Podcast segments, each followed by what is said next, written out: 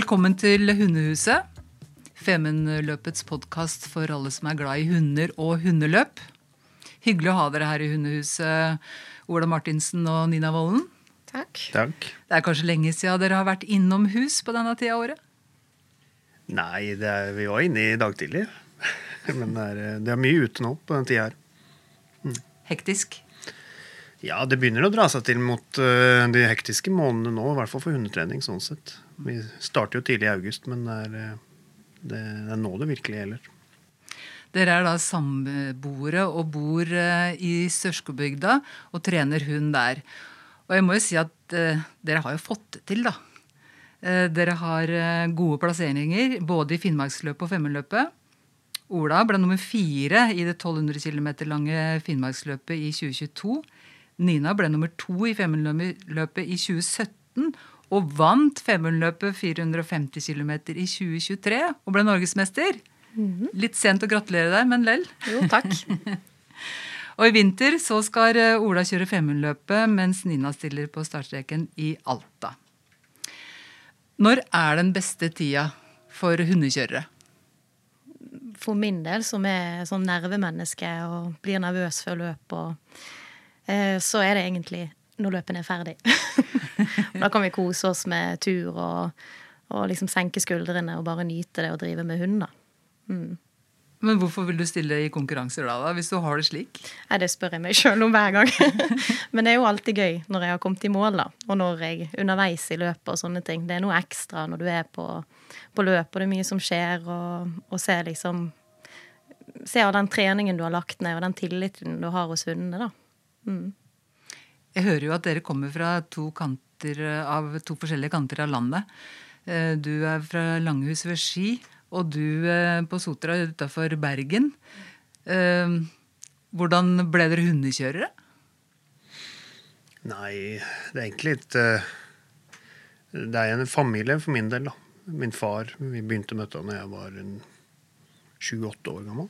Så egentlig, jeg husker egentlig ikke en tilværelse uten hundekjøring, sånn sett. Ellers har jeg fortrengt det. Så for min del så er det da familie og, og gjennom min far. Det er en ganske vanlig inngang. Men på Sotra er det kanskje ikke så mye hundekjøring? Nei, men jeg hadde faktisk en tante som eller har en tante som driver med hundekjøring. En tante og onkel i Sverige. Så det begynte litt der, og så var det eh, sommerjobb med, på en kennel, og så var det folkehøyskole med hundekjøring og handler, da. Det var sånn, var sånn jeg kom inn på det. Er det en fordel eller ulempe at dere begge er aktive hundekjørere?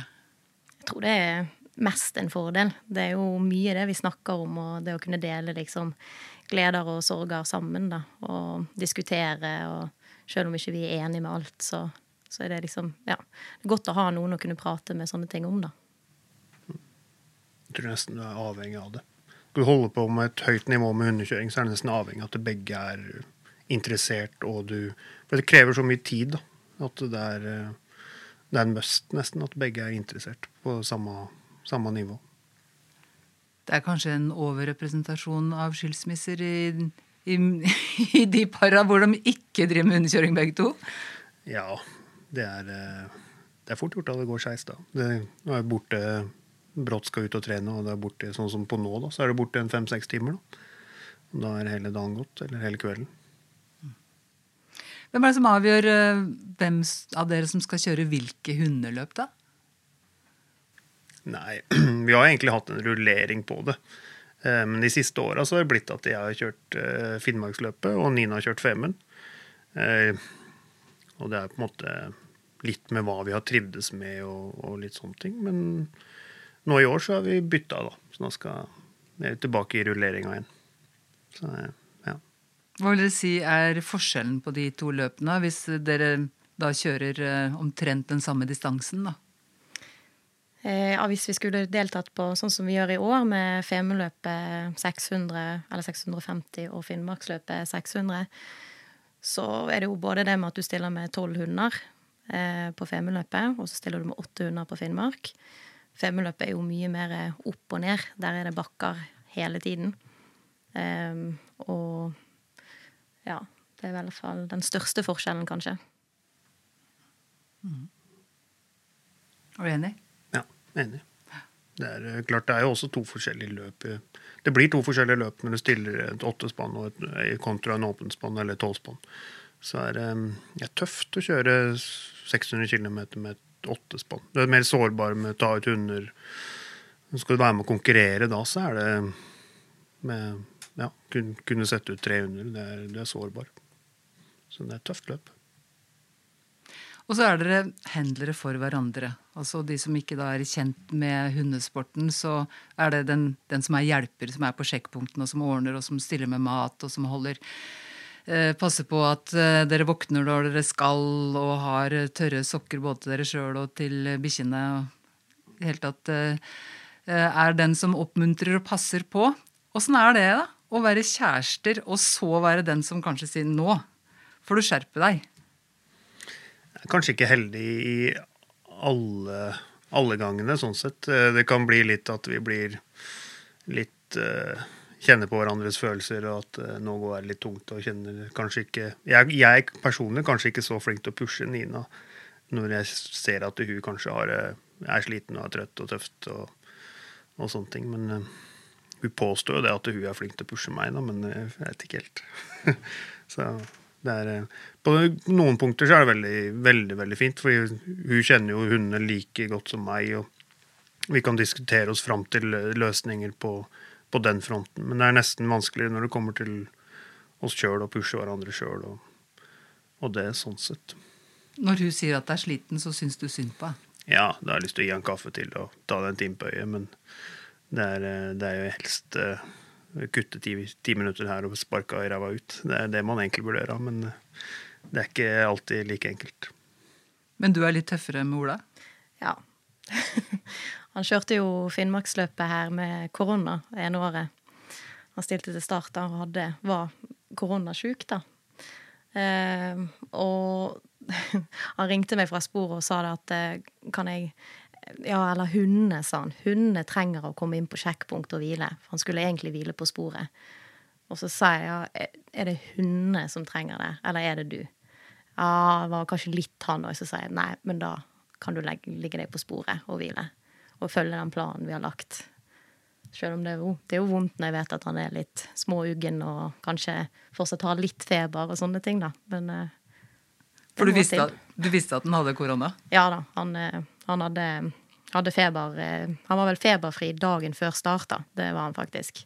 Men han var sliten da han ringte meg når han hadde akkurat startet løpet og bare dette var dumt. Så han bare Dette blir et tøft løp. Men vi var enige på forhånd at skal du kjøre, så kommer jeg til å pushe òg på at da må du følge det vi har planlagt. Mm.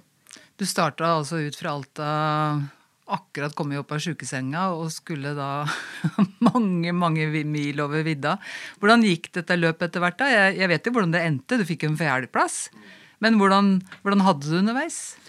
Nei, det var, Starten var, den var beintøff. Da var jeg Jeg hadde mest lyst til å ligge i en seng.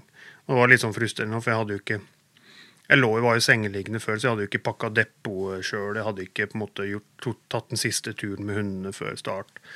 Eh, så jeg var liksom helt sånn satt ut av spill. Så jeg var liksom bare stroppa på sleden, og så noen som dro i stroppen for meg, så ut av alt, da. Eh, men det var jo på en måte da tøft i starten, og så Men det var jo ikke noe kjære mor å få av Nina, så det var jo bare man the fuck up, og så bare komme seg ut. Og så halvveis så begynte det å slippe taket. Og jeg kjente energien kom, og jeg kjente på en måte åh, spannet er veldig fint, spannet går bra, så da, på en måte, etter å ha kjørt 60 mil, så begynte kroppen å fungere. Så da gikk det veldig bra. Det sies jo at bikkjene er veldig følsomme på hvordan kjøreren har det. Merka du da at bikkjene skjønte at du ikke var i form?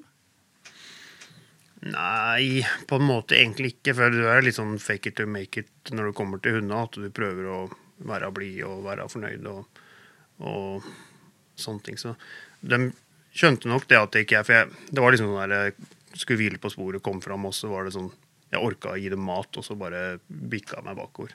Så de første 20 mila så stelte jeg nok kanskje ikke så godt med dem som jeg kunne gjort. Men det var heller ikke det, sånn der, det var heller ikke nødvendig, så jeg følte at det var ikke noe problem. Men uh, det kan egentlig kanskje vært positivt òg.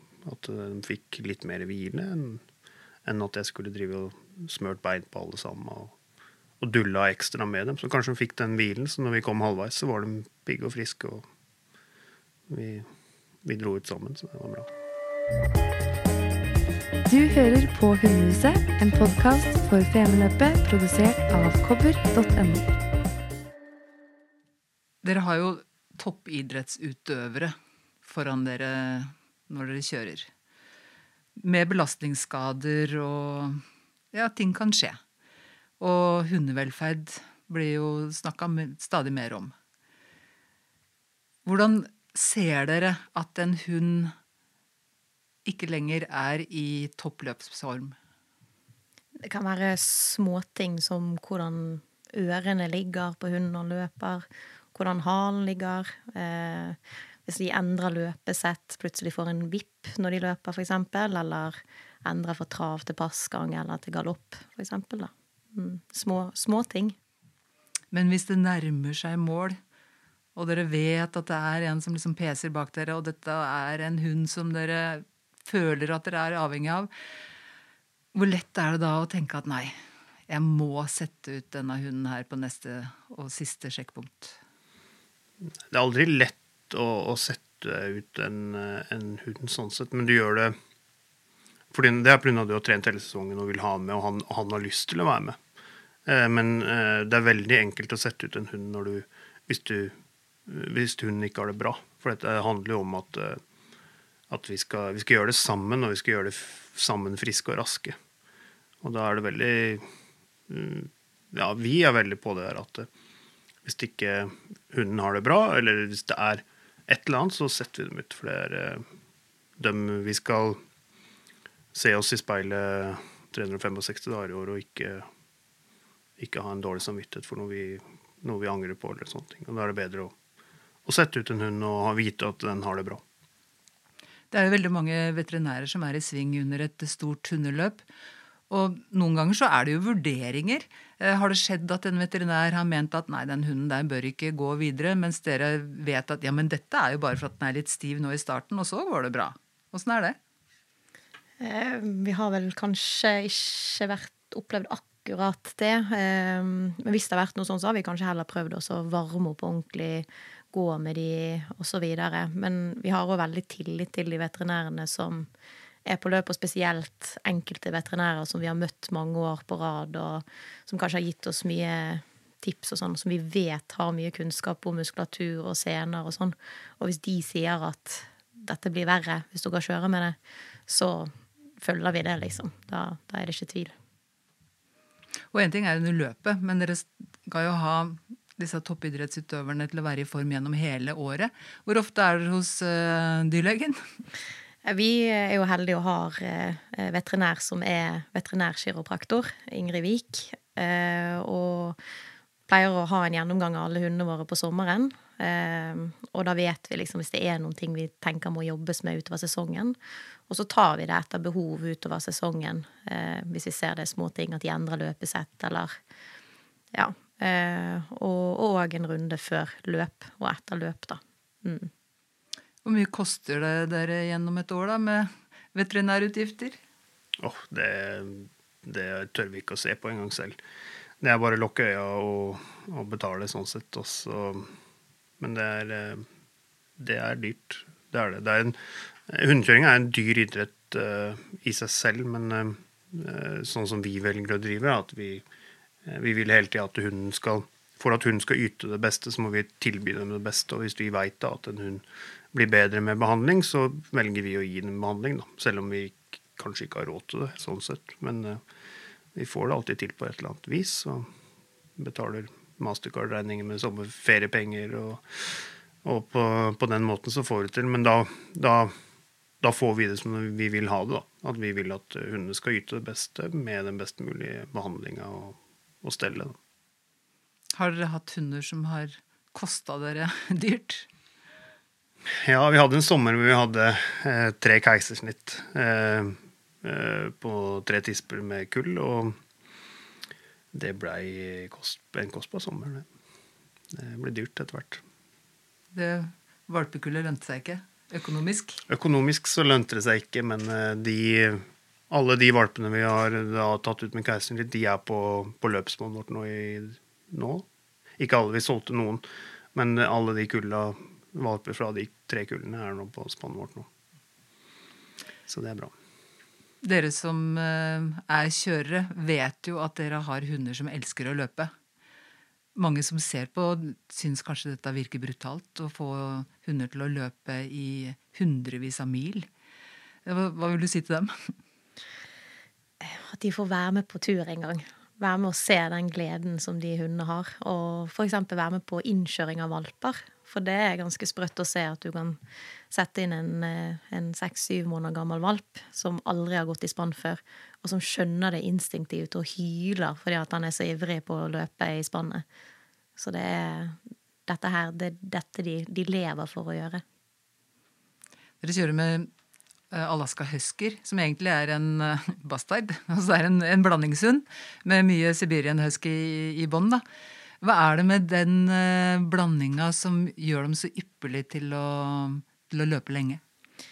De er jo avlet for å Altså egentlig avlet for å løpe til de, til de rett og slett ikke klarer mer. Og så blir det vårt ansvar å på en måte ivareta de og, og sørge for at de aldri løper så langt, da, eller så hardt. Så det er derfor det er en så god rase som det er, da, hvis vi kan kalle det en rase. Mm. Dere er jo mange uh, hundekjørere med forskjellige personligheter. Er det lett å liksom skule litt på hverandre og tenke at ah, er ikke det en hund som burde vært tatt ut, eller hvorfor gjorde det sånn, har, det, har bikkjene godt av det, da? Er det, er det, slik? Ja, det er klart. Det blir jo sånn. Som, som, i alle konkurranser og sånne ting, så klarer man jo ikke å, å, å utelukkende bare være glade på andres vegne og se at alle andre gjør alt riktig hele tiden. det blir jo litt sånn. Så man må jo bare prøve å ta seg sjøl litt i det, og ja, prøve å heve seg over det, da. Mm. Hvis det nå er folk som hører på det her, som tenker at å ja, bli hundekjører, ja, det, det høres fint ut. Uh, vil dere heie på dem eller advare dem? Nei, det er, eh, en, det er jo en grunn til at vi driver med det. er en veldig, veldig fin idrett. Um, men det er veldig krevende idrett å drive med. For det første så er det veldig kostbart. Um, og det krever mye tid, og det er mye ansvar. Um, så selvfølgelig vil det veldig gjerne at folk skal begynne med underkjøring, og rekrutteringa til underkjøring har jo vært en veldig utfordrende ting i forhold til det at det er det er ikke alle som bor sånn til at du kan plutselig bare dytte 8-10-20 hunder i hagen. Um, og veldig vanskelig for unge å rekruttere i forhold til um, Igjen, det er ikke bare å det er mange som sliter med å få én hund av sine foreldre, men nå skal du ha ti til seks for å starte i et løp. ikke sant? Så, eh, men fordelen med det er jo at det er veldig mange store kennelere der ute som, som trenger hjelp. Eh, de, de, de, klarer ikke i forhold til eh, den tiden de har engang. Så det er veldig mange som er ute etter og, og, og tilbyr folk som er med dem og trener og kan kjøre noe løp, småløp eller Så det er eh, det er alltid sin vei inn, men den er kanskje litt mer krevende. Hva vil du si, Nina, er eh, Olas beste egenskaper som kjører? At han er rolig og sindig når han kjører. Og så har han jo veldig omtanke for hundene, da. Det, han setter det gjerne ut før han egentlig må, da. Så det er også så det er jeg som må si det, at ja, men hør liksom på den og den veterinæren har sagt at det går greit, og da, da går det greit. Men hvis han føler at det er noe, da, så er han rask på å sette de ut. Mm. Hva er den dårligste egenskapen hans? Nei Kom med det. Eh, det kan være kanskje i, i, at det tar litt tid før han på en måte eh, synes det er ordentlig OK å kjøre løp. da. At i starten så er det tøft, mens etter hvert da, så blir det egentlig bare bedre og bedre å kjøre løp når han ser at, at det funker jo, det han gjør. Så det er ikke sikkert du hadde korona. Du var bare slik du pleier å være. Ja, ja. Du trenger, trenger litt blodsmak for å fungere. Hva er Ninas beste egenskaper, da? Nei, som løpskjører så er hun veldig dyktig med hunder. Og hun, hun hun tør å ta de sjansene og, og, og kjøre hundespannet sånn som vi har trent det til å gå. Um, og det Da, da lykkes hun. For det, vi har en, en, et godt spann, og vi, vi, trener på en sånn måte at vi skal kunne være med og hevde oss i toppen. Og hun, hun kjører deretter, og da ser vi at det lykkes. Hva irriterer deg, da? Med Nina som hundekjører, vel å merke? Nei, det er litt sånn der, hun er litt detaljstyrt, da. Kontra meg, kanskje. Så det er um, uh, Ja. Det maser med at det er noe det er noe som skal gjøres her, og noe som skal gjøres der. Og så jeg tenker ja, ja, det går fint, tenker jeg. Men det, det Husk å detaljstyre ting litt. Husk å abonnere for å få med deg alle episodene. Men eh, detaljene satt jo i eh, siste Femundløp, da. Du vant i 450-klassa der. Hva var det som gjorde at du lyktes, tror du? Sånn strategisk så var det nok eh, hvor mye hvile jeg tok ut på Søvollen. Det var vel tre timer jeg tok ut der. Eh, og satt og diskuterte, for Ola kjørte jo også det løpet, så han var på sjekkpunkt samtidig som meg.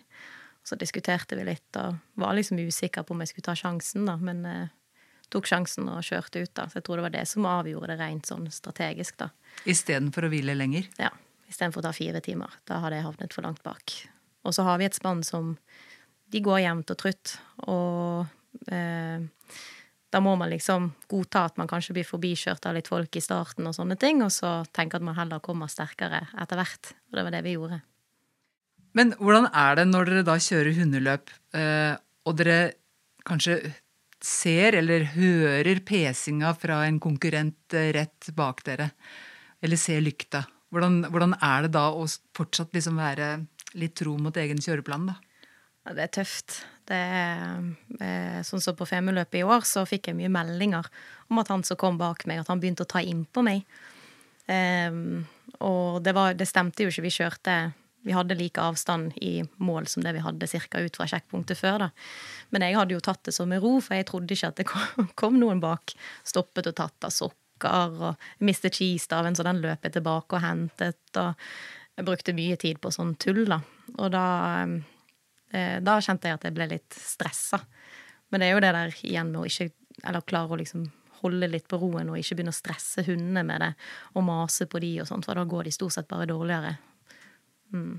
Klarer dere det rett før løp, da? For da må det jo være fryktelig mye stress?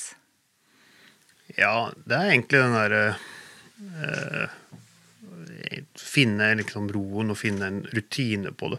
De hundene som har vært med på dette før, de veit hva de stort sett går til.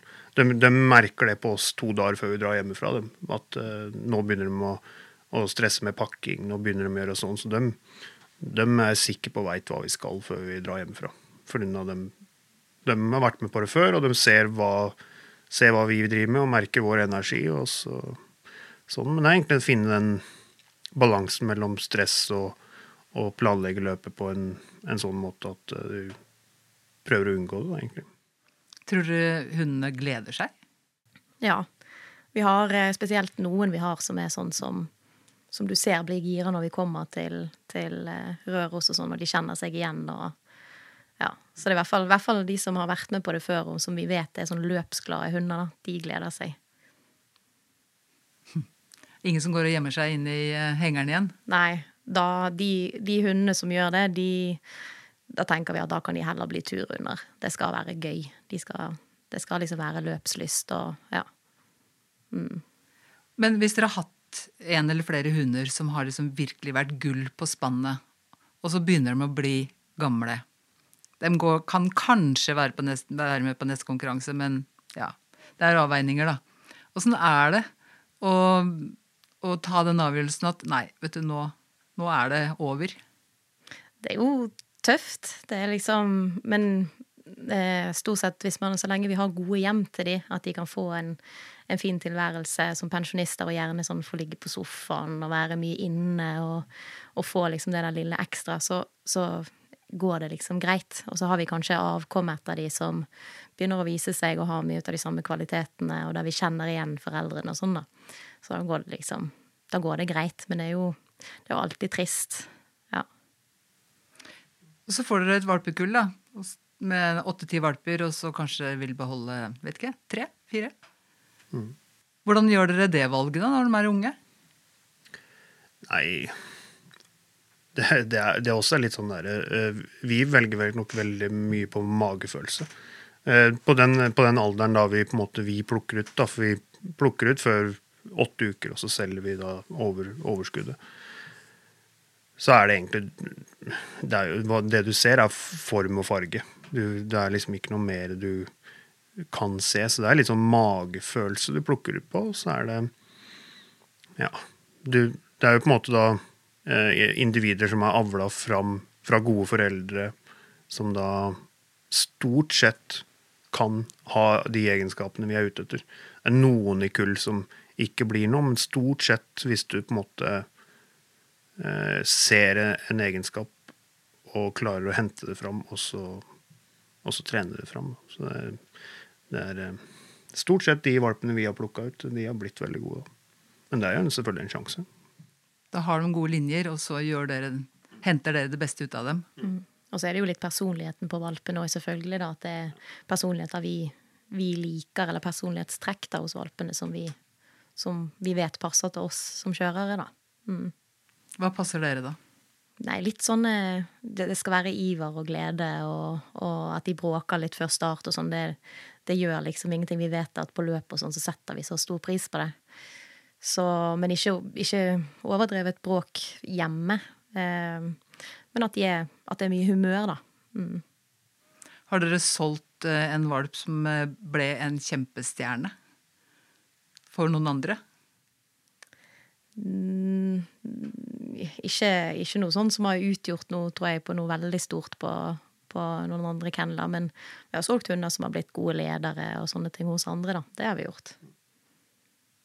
Hvor mange lederhunder eh, har dere nå? Stort sett alle på kennelen, kanskje med unntak av eh. Som kan gå som leder hos oss. da. Vi har, vi har eh, 21 i trening nå. Hva er det med den ene? Nei, det er, ikke, det er klart det er ikke alle som, som kan, eh, kan være leder. Eller de fleste kan være leder og gå foran eh, på et visst tidspunkt. Men eh, av de 21 vi har hjemme nå, så kan jeg si i hvert fall at det kan 11 Vi regna på det her om dagen, faktisk. 11 stykker tror jeg vi har som vi kan eh, sette foran på alle etappene på et løp. Det er noen som på en måte kan egne seg til å gå foran de to første. Og så når han blir litt sliten og det går litt tungt, så nei, da er det ikke sikkert han har lysten til å gå foran på et lenger, da. Men da har vi på en måte andre individer. Men vi har nok eh, ja, 11-12 stykker som kan gå alle etappene. Men det har noe med at det, sånn som vi trener, vi trener hele tida to spann. Og for da har hele tida trent fire ledere per tur. Og bruker veldig mye tid på å få fram gode ledere. Og avler alltid med gode ledere. Så det er nok på en måte en av de tinga vi syns også er gøy, det er at vi får fram veldig mye gode ledere. Og vi har aldri den derre eh, redselen, engstelig for at eh, spannet vårt skal stoppe eller få en parkering eller sånne ting. Det er pga. det at vi utsetter hundene våre hele tida på trening det vi skal utsette dem på løp. Og vi stoler 100 på de hundene vi har, og de stoler på oss. Så vi har Ikke for å sitte her og skryte, men vi har et veldig gode ledere. Og det er, eh, det er en ting av det vi, vi setter pris på. Har dere hunder også som er ekstra gode i uvær? Ja, det har vi. Mm, spesielt eh, kanskje én, da, som er veldig god. Og det var det samme med faren hans og Ja. Så der ser vi liksom mye ut av de samme kvalitetene som går igjen. Ønsker du liveoppdateringer, tracking og mye, mye mer? Gå inn på liverace.no. Tror du hunder syns det er, er stas å, å gå i front? Ja, spesielt hvis de får eh, liksom reaksjon fra oss, da. og at eh, det, det, Du har jo hunder som, hvis du har alle løse og skal begynne å sette de inn i spannet, som, som går og stiller seg i front. Som ønsker å stå fremme. Og gjerne som Bare forrige dagen når vi var ute og trente, så har vi en eh, tispe som heter Avensis. Hun er en veldig god leder. Så hadde hun gått for Ola i led de siste dagene, og så skulle hun gå en tur med meg, og så fikk hun ikke gå i front. Da fikk hun gå bak lederne. Og da gikk hun hele de første kilometerne og kjeftet. For at hun, hun var så ivrig da, og kjeftet og kjeftet for at hun skulle liksom Jeg tolka det sånn at hun ville gå i front. ja, men det er jo litt uh, søtt, da. Um, dere har altså 21 hunder. Begge er aktive hundekjørere og skal, skal stille til uh, hvert deres løp nå i år. Og så har dere fulle jobber.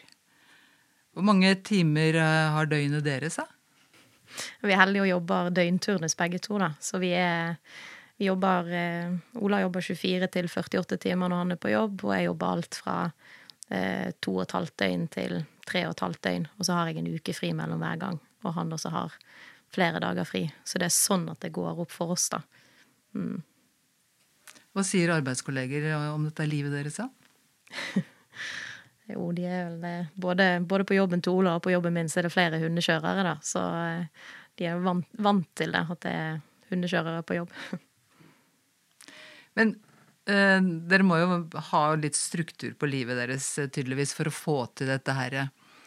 Men med så mange levende individer rundt dere som er fulle av iver og, og kraft eh, Ting går vel ikke alltid etter planen, verken i konkurranse eller løp.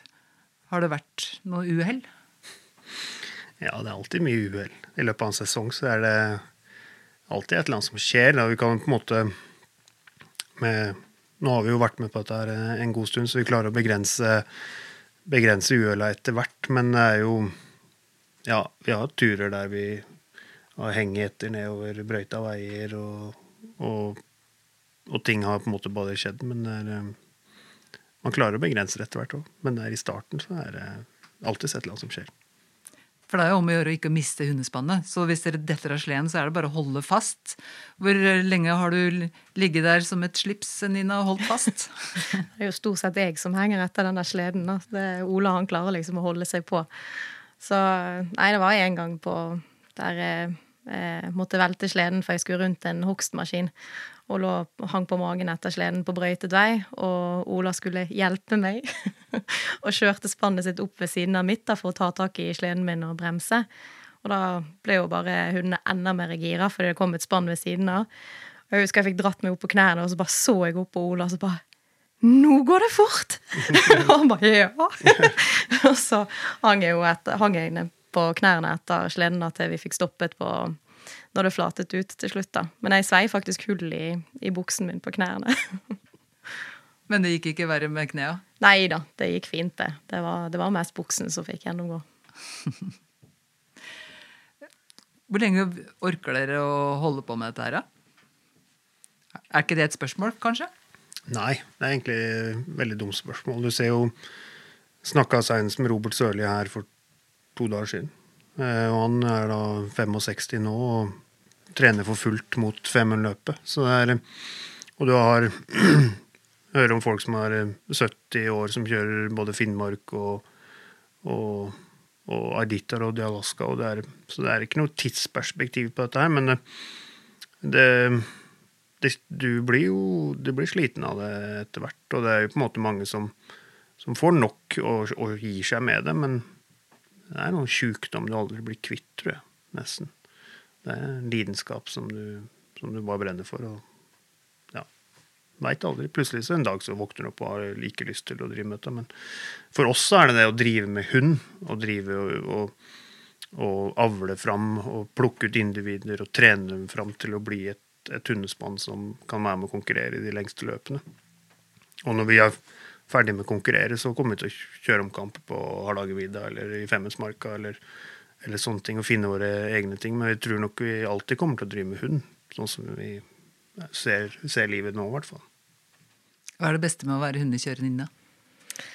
Oh, det beste Det må egentlig være også når du får de der eh, turene der det skjer skjer et eller annet spesielt, en leder som plutselig tar ansvar. Eh, hvis du er ute og brøyter, så plutselig oppdager du at eh, en av de unge er kjempeflink på kommandoer, og det visste du kanskje ikke.